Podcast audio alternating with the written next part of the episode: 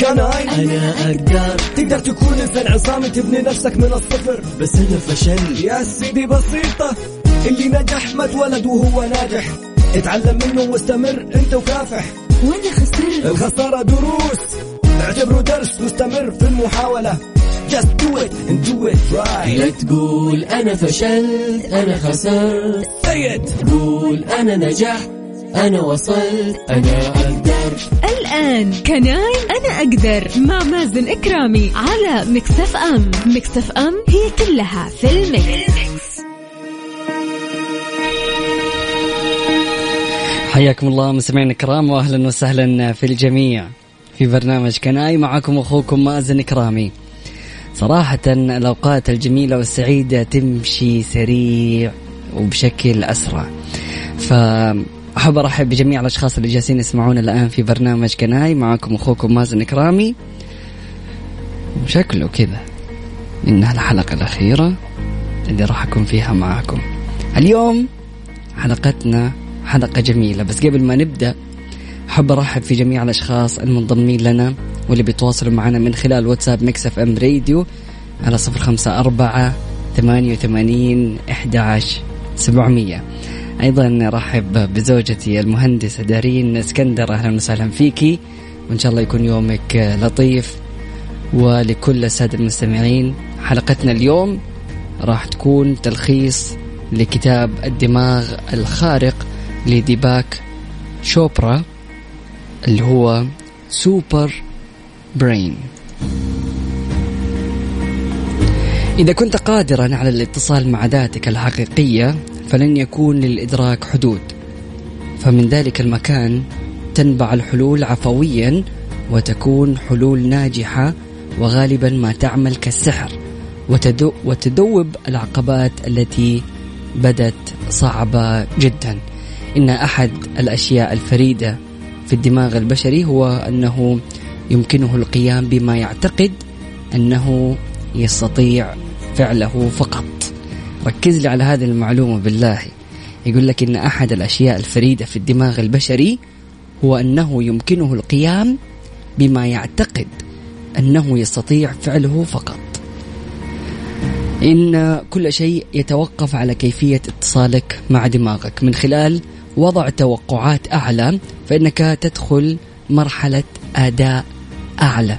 كل ما توقعت وكل ما أعطيت لعقلك فرصة إنه هو يبدع أكثر وإنه هو يدخل في تجارب أصعب كل ما زاد عندك الأداء والإبداع. ومن ومن أجل أن تنشئ عصرا ذهبيا لدماغك فأنت في حاجة إلى استخدام الهبة.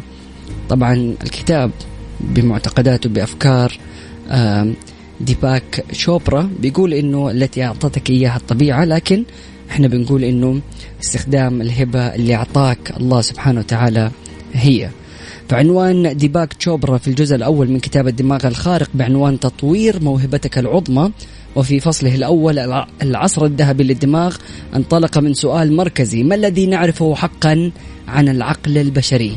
في السبعينات والثمانينيات كان الجواب قليلا جدا ولكن في العشر سنوات الأخيرة ظهرت طفرة هائلة في أبحاث الدماغ لا نظير لها في العصور السابقة. يحتوي الدماغ 100 بليون خلية عصبية تشكل تريليون ولغاية كوادريليون نقطة اتصالية عصبية. طبعا الأرقام اللي إحنا بنتكلم فيها يعني عيش حط رقم واحد وعيش في الأصفار لين ما جهازك يوقف. ما يقدر يحط أصفار. هذه الوصلات كلها في الدماغ تتشكل وفق ردود فعلك على على العالم من حولك. فأنت اللي تقرر كيف طريقة دماغك تعمل. تقول أبغى أكون يعني إنسان متفائل أنت اللي تخلي التفاؤل في حياتك. إنسان متشائم حيصير التشاؤم من طبعك. فضروري جدا نعم نعرف كيف يعمل الدماغ. أهلين مازن بالتوفيق في حياتك الجاية. أهلا وسهلا فيك. يا أبو خليلة؟ ولا مين؟ اسمك إيش يا حبيبي؟ أهلا وسهلا فيك ويسعد لي مساءك وشكرا على رسالتك اللطيفة يا محمد. طبعا متواصلين أكيد في برنامج Can I معكم أخوكم مازن كرامي لا تروح البعيد وأكيد مستمرين. Can I أنا أقدر مع مازن كرامي على Mix FM. Mix FM هي كلها في ال mix. حياكم الله مستمعينا الكرام واهلا وسهلا في الجميع. أكيد مستمرين في برنامج Can I معاكم أخوكم مازن كرامي هذه رسالة من الوالده تقول إذا كنا مرنين فنحن نستطيع التعامل مع الضغوط بمرونة حين تشتد علينا الصعاب نأخذها بهدوء وتأني.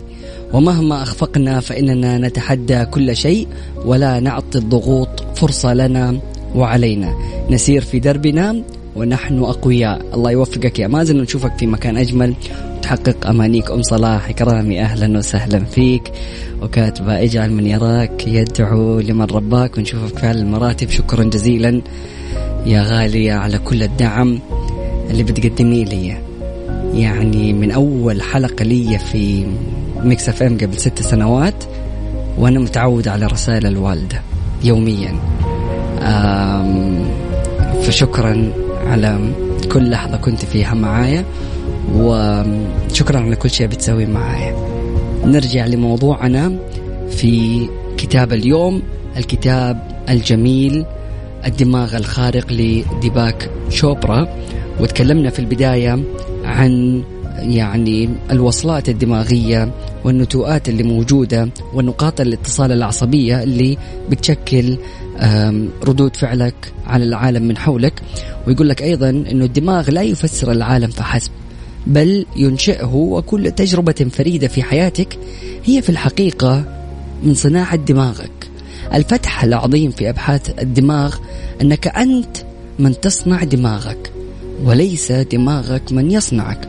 وهو ما يفتح الباب واسعا للإبداع وتجاوز القيود المادية كالموروثات والذكريات المسموعة وتدني احترام الذات والإمكانيات الجسدية المحدودة. العصر اللي بنعيش فيه هو العصر الذهبي للدماغ وفي كل يوم نكتشف اختراعات علمية جديدة في هذا المجال. لكي تنشئ عصرا ذهبيا لدماغك أنت في حاجة لتعمل بقواعد الدماغ الخارق وليس الدماغ البدائي. عبر التفكير يوميا ما هي الأوامر التي يجب أن أعطيها اليوم؟ ما هي المسالك الجديدة التي أريد أن أبتكرها؟ لذلك عليك أن تتصرف أنت مع دماغك كقائد ومخترع ومعلم ومستخدم وحسب النمط الذي تتعامل به مع دماغك يكون خارقا أو يكون عاديا. طبعا أنا أختلف في نقطة محددة وإنه بيقول إنه أنت تصنع دماغك ليس دماغك ما يصنعك. في هذه في الحالة الطبيعية في الحالة الطبيعية الإنسان السليم فعلا صح. الإنسان يقدر يعني هو يبني عقله بالطريقة اللي هو حابه لكن في بعض الحالات النادرة لا سمح الله يصيب الشخص ورم أو مشكلة في مكان أو جزئية في الدماغ فممكن إن هي تتحكم بردود أفعاله وتصرفاته وما يكون لدى ما يكون له دخل فيها. فسبحان الله على هذه المعجزة الربانية اللي موجودة عند كل شخص فينا. وأنت بتتعامل مع عقلك وبحسب ما يعني تزرعه في عقلك راح تحصده مستقبلا. القائد يقول لك دماغك ليس آلة جامدة بل كيان متفاعل مع كل التعليمات التي ترسلها له. دماغك لن يتغير إذا كنت تفكر يوميا بنفس الطريقة التي كنت تفكر بها البارحة وإذا ما غيرت من عاداتك ومن روتينك اللي بيتحكم فيك واللي بيخليك إنك تشعر بملل. الدماغ الخارق يتكون من تفكير متجدد فتطلع يوميا للعالم بنظرة جديدة واكسر العادات السيئة. المخترع دماغك يطور ب... يتطور باستمرار ويتميز الدماغ عن بقية الأعضاء بقدرته على التطوير والتقدم في حياتك. كلما تمكنت من اختراع أمور جديدة واكتساب مهارات جديدة فقدرات دماغك تتطور. فكرة مشهورة أنه يمكنك أن تصبح خبيرا في أي مجال بشرط التفرغ له لمدة عشر آلاف ساعة حتى المهارات التي تعتقد أنها خاصة بالموهوبين كالرسم والموسيقى. حياتك سلسلة من المهارات تبدأ من المشي والنطق والقراءة وأكبر خطأ هو أن تتوقف عن التعلم وأن توق... آه، يعني تتوقف عن تنمية مهاراتك. كلما طلبت الكثير من دماغك كلما أذهلتك قدراتك الرائعة.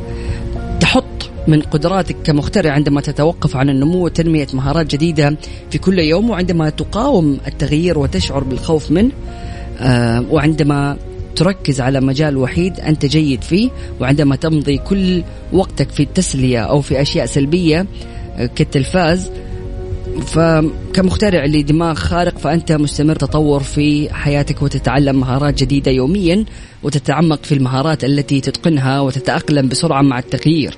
ولا تخشى الفشل بل تستمر في التجربة وتستفيد من الفشل أكثر من النجاح وتحب التحدي وتتميز يوميا بالنشاط والحركة.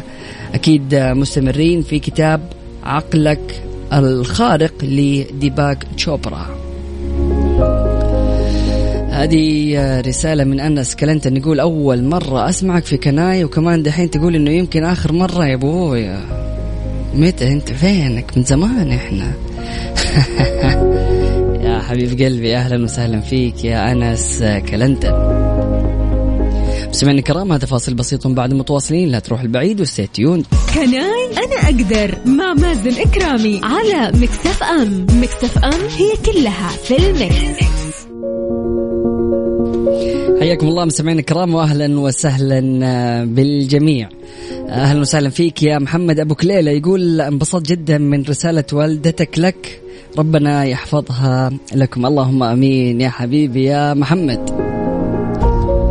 أوبا فين راح الكتاب؟ طيب جالسين نتكلم عن كتاب أو تلخيص الدماغ الخارق لديباك تشوبرا وتكلمنا في البداية عن يعني الأنماط اللي حددها ديباك وقال إنه النمط الأول هو القائد والنمط الثاني هو المخترع بحيث إنه دماغك بيتطور بشكل آه، مستمر. النمط الثالث هو المعلم. يقول لك دورك أن توقظ دماغك كما يوقظ المعلم طالبا من غفلته في من خلال غرس الفضول. أنت الطالب والمعلم في تعاملك مع الدماغ. تشعر بالإلهام عندما تتعامل مع كل شيء بالفضول والتساؤل. وقد تأكد آه، بأبحاث علمية أننا يمكننا أن نمنع أعراض الشيخوخة وهرم الدماغ بالتشارك الاجتماعي والفكر الفضولي. ممتاز جدا. المعلم الجيد يراقب طالبه ويصحح أخطائه ويشجع نقاط القوة ويشجع تلميذه على التساؤل والبحث المستمر عن المعرفة والإبداع. هذا الدور يلزمك أن آه، تثور على آه، أو تثور على النظرة المستقرة للحياة وأن تختبر باستمرار معتقداتك وآرائك ولا تأخذ أقوال الآخرين على أنها مسلمات بل تعرضها للنقد باستمرار وتكتشف نفسك يوميا كما تكتسب خبرات جديدة وتبحث عن المعرفة باستمرار بالقراءة للكتب والمجلات العلمية وحضور المحاضرات ومشاهدة البرامج الوثائقية. النمط اللي بعده هو نمط المستخدم دماغك يحتاج باستمرار لكي تستخدمه بنجاح للتغذية والإصلاح والإدارة المناسبة. وهذه التغذية قد تكون مادية بالامتناع عن المواد السامة كالكحول والمخدرات والتدخين والابتعاد عن العواطف السلبية زي القلق والغضب والتوتر والاكتئاب. فالإجهاد وقلة النوم يعتبر استخدام سيء ومدمر للدماغ. استخدم دماغك ولا تدعه يستخدمك. فالغضب والذكريات السامة وجراح الصدمات القديمة والعادات السيئة كلها تجعلك رهينا لتدمير مستمر للدماغ ومنعه من التطور عشان يصير خارق. النمط الخامس وهو الذي يتجاوز الأنماط الأربعة وقليل من الناس المستنيرين من يستطيع أن يقوم بدور المراقب والشاهد الصامت على كل شيء يفعله الدماغ. وهنا تحقق السلام التام والوعي الصامت وتجد الإجابات الأبدية المتعلقة بالخالق الله عز وجل والروح والحياة بعد الموت. وترتقي بالتأمل والصلاة الخاشعة والذكر المستمر والإلهام وتقديم الخدمة والعطاء للبشرية والبحث عن مواهبك الخارقة. فعلا لازم أنك أنت يعني صراحة الحمد لله على نعمة الإسلام اللي خلتنا مرتاحين دماغيا عارفين الأجوبة عارفين ومطمنين ومرتاحين. هذا الشيء اللي بيخلي دماغنا بيعمل بشكل أفضل. حاول العلماء دراسة دماغ أينشتاين واكتشفوا أنه حجمه أقل من الدماغ الطبيعي. وقد تبين بعد ذلك بسنوات أن الدماغ الفيزيائي يتجدد ويتغر ويتغير باستمرار وأن الأهم من شكل الدماغ الفيزيائي وحجمه هو الأسلوب الذي يتعامل به مع صاحبه. كالطفل الذي يحتاج للانتباه والتشجيع والتقدير لكي يحقق النجاح وعندما يهمل فإنه يشعر بالإحباط ويقوم بأعمال تخريبية وضجيج ومقالب عندما يعاقب فإنه يتكاسل ويرجع للصفوف الخلفية بالقسم ويكتفي بالصمت العنيد. والانسحاب والفرار من المدرسة ويعني يوصف بالغبي أو العنيد أو الكسول والمشاغب يعني هذا لو الواحد حاطط في باله يعني هو هنا بيجيب لك مثل عن المدرسة كيف إنك أنت جالس تهرب من إنك أنت تطور من نفسك وبتهرب من المدرسة زي الطالب وتتحول المدرسة لسجن يحبط عملية نمو الدماغ لدى هؤلاء الأطفال. فالطفل المحبط يفشل في تطوير قدراته العقلية وتضمر أجزاء دماغه التي لا تستخدم أو لا تستخدم. بينما يطور الطفل المتفائل الذي يشجعه والديه ومدرسته يطور الطفل المتفائل الذي يشجعه والديه ومدرسته دماغه بنحو جيد وتنشط خلاياه العقلية لينتج ويبدأ.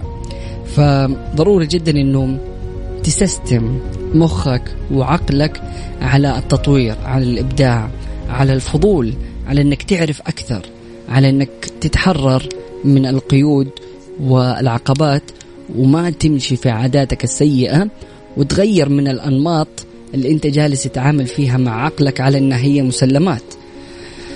فكل شيء يقدر يتغير وكل شيء قابل للتغيير طالما أنت بتقرر هذا التغيير. تبغى التغيير يكون للأفضل ولا تبغى يكون للأسوأ؟ لسه جالس أتكلم مع أحد الأشخاص عن يعني القدرة العقلية في تدمير حياتنا أو تحسينها. مين اللي جالس يسوي الشيء هذا في الأخير. أنت أنت كإنسان جالس تغذي دماغك بالشيء اللي راح يوصل له في الأخير. فإذا أنت كنت معوده على القلق والاضطراب والتوتر والإحساس بالظلم والإحساس يعني بالكآبة والضغط أنت جالس تعود مخك على هذا الشيء فإيش تتوقع منه بعد كذا؟ لا تجي في يوم من الأيام تقول أبغى أصير إنسان إيجابي أبغى أصير إنسان مرتاح ذهنيا. بالي يعني مروق. فضروري جدا إنك تعرف كيف تتعامل مع دماغك. لأنه الله ستعيش هذه رسالة من الوالدة بتقول ستعيش مرة واحدة على هذه الأرض. لا تكن صامتا. اجعل من يراك يتمنى أن يكون مثلك. ومن يعرفك يدعو لك بالخير ومن يسمع عنك يتمنى مقابلتك. فمن تعطر بأخلاقه لن يجف عطره حتى لو كان تحت التراب. أم صلاح أهلا وسهلا فيك وشكرا جزيلا على هذه الرسالة. هذا طبيعي لأننا مختلفون وظروف كل واحد مختلفة عن الآخر. أتفق معك الظروف مختلفة يا محمد. لكن في الأخير أنت نظرتك الإيجابية للموضوع راح ترى تفيدك. يعني أنا جالس أتكلم مع شخص قال لي أنا خسرت مليون ريال في مشروع. إيش الفائدة أو إيش النقطة الإيجابية اللي أطلع منها آه، من هذا الموضوع؟ اديني يلا ها انت قل لي. قلت له صراحة انت اعتبر نفسك انك انت تعلمت درس قيمته مليون ريال. ليش؟ لأنه وثق في شريك الشريك هذا اللي أعطاه الفلوس يعني ما كان كفو لهذا المبلغ فخسر المبلغ. قلت له هذه النقطة اللي تخرج منها إنك أنت يعني تعلمت درس قيمته مليون ريال إنك أنت ما تثق في أي أحد وإنك أنت تدي فلوسك للشخص الصحيح. وهذا هو الدرس. كلفك هذا المبلغ. لكن هذه النقطة الإيجابية اللي ممكن أنت تطلع من أي موضوع. فأي ظرف بيكون موجود من حولك أنت كيف تغذي دماغك أنه يتعامل مع الموقف؟ احتياجاتنا ممكن تخلي دماغنا آه، يتغير. أتفق جدا. وضروري إنه يعني حتى الاحتياج اللي موجود في حياتنا أنا ما ما ماني فاهم إيش تقصد بالاحتياج بس إنه أحيانا أيوه في في مواقف تفرض علينا طريقة عمل الدماغ بطريقة محددة.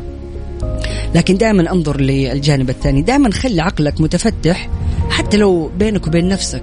مو شرط تظهر هذا الشيء للأشخاص اللي من حولك.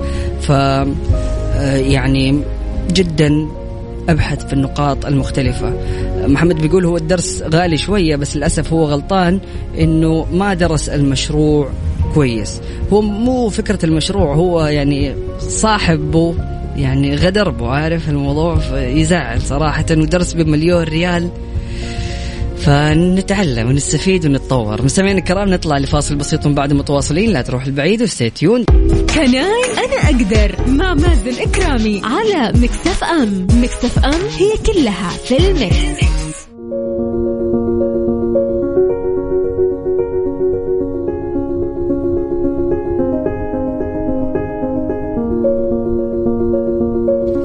حياكم الله مستمعينا الكرام واهلا وسهلا في الجميع. أكيد مستمرين في برنامج كناي اللي وصلنا يعني فيه للختام. صراحة الأوقات الجميلة جميلة جدا ولكن يعني انقضت ست سنوات وأنا أشارككم يعني الهوى يوميا من خلال برنامج كافيين وبرنامج كناي وبرامج مختلفة. أتمنى لكم دوما التوفيق واليوم حلقتنا كانت ملخص لكتاب العقل الخارق لي كان مين؟ ديباك شوبرا فالكتاب جميل جدا لخصنا آه، الدماغ والأنماط اللي يشوفها الكاتب كالقائد والمخترع والنمط الثالث المعلم والمستخدم وأيضا المستنير. وتكلمنا عن الدماغ وكيف نقدر نغير من آلية عمله. ف سمعنا الكرام أقول لكم سبحانك اللهم وبحمدك أشهد أن لا إله إلا أنت أستغفرك وأتوب إليك. واجعل من يراك يدعو لمن رباك. يوم الأحد إن شاء الله راح أكون معاكم في Mix Business وبعدها راح يكون الختام. فمان الله.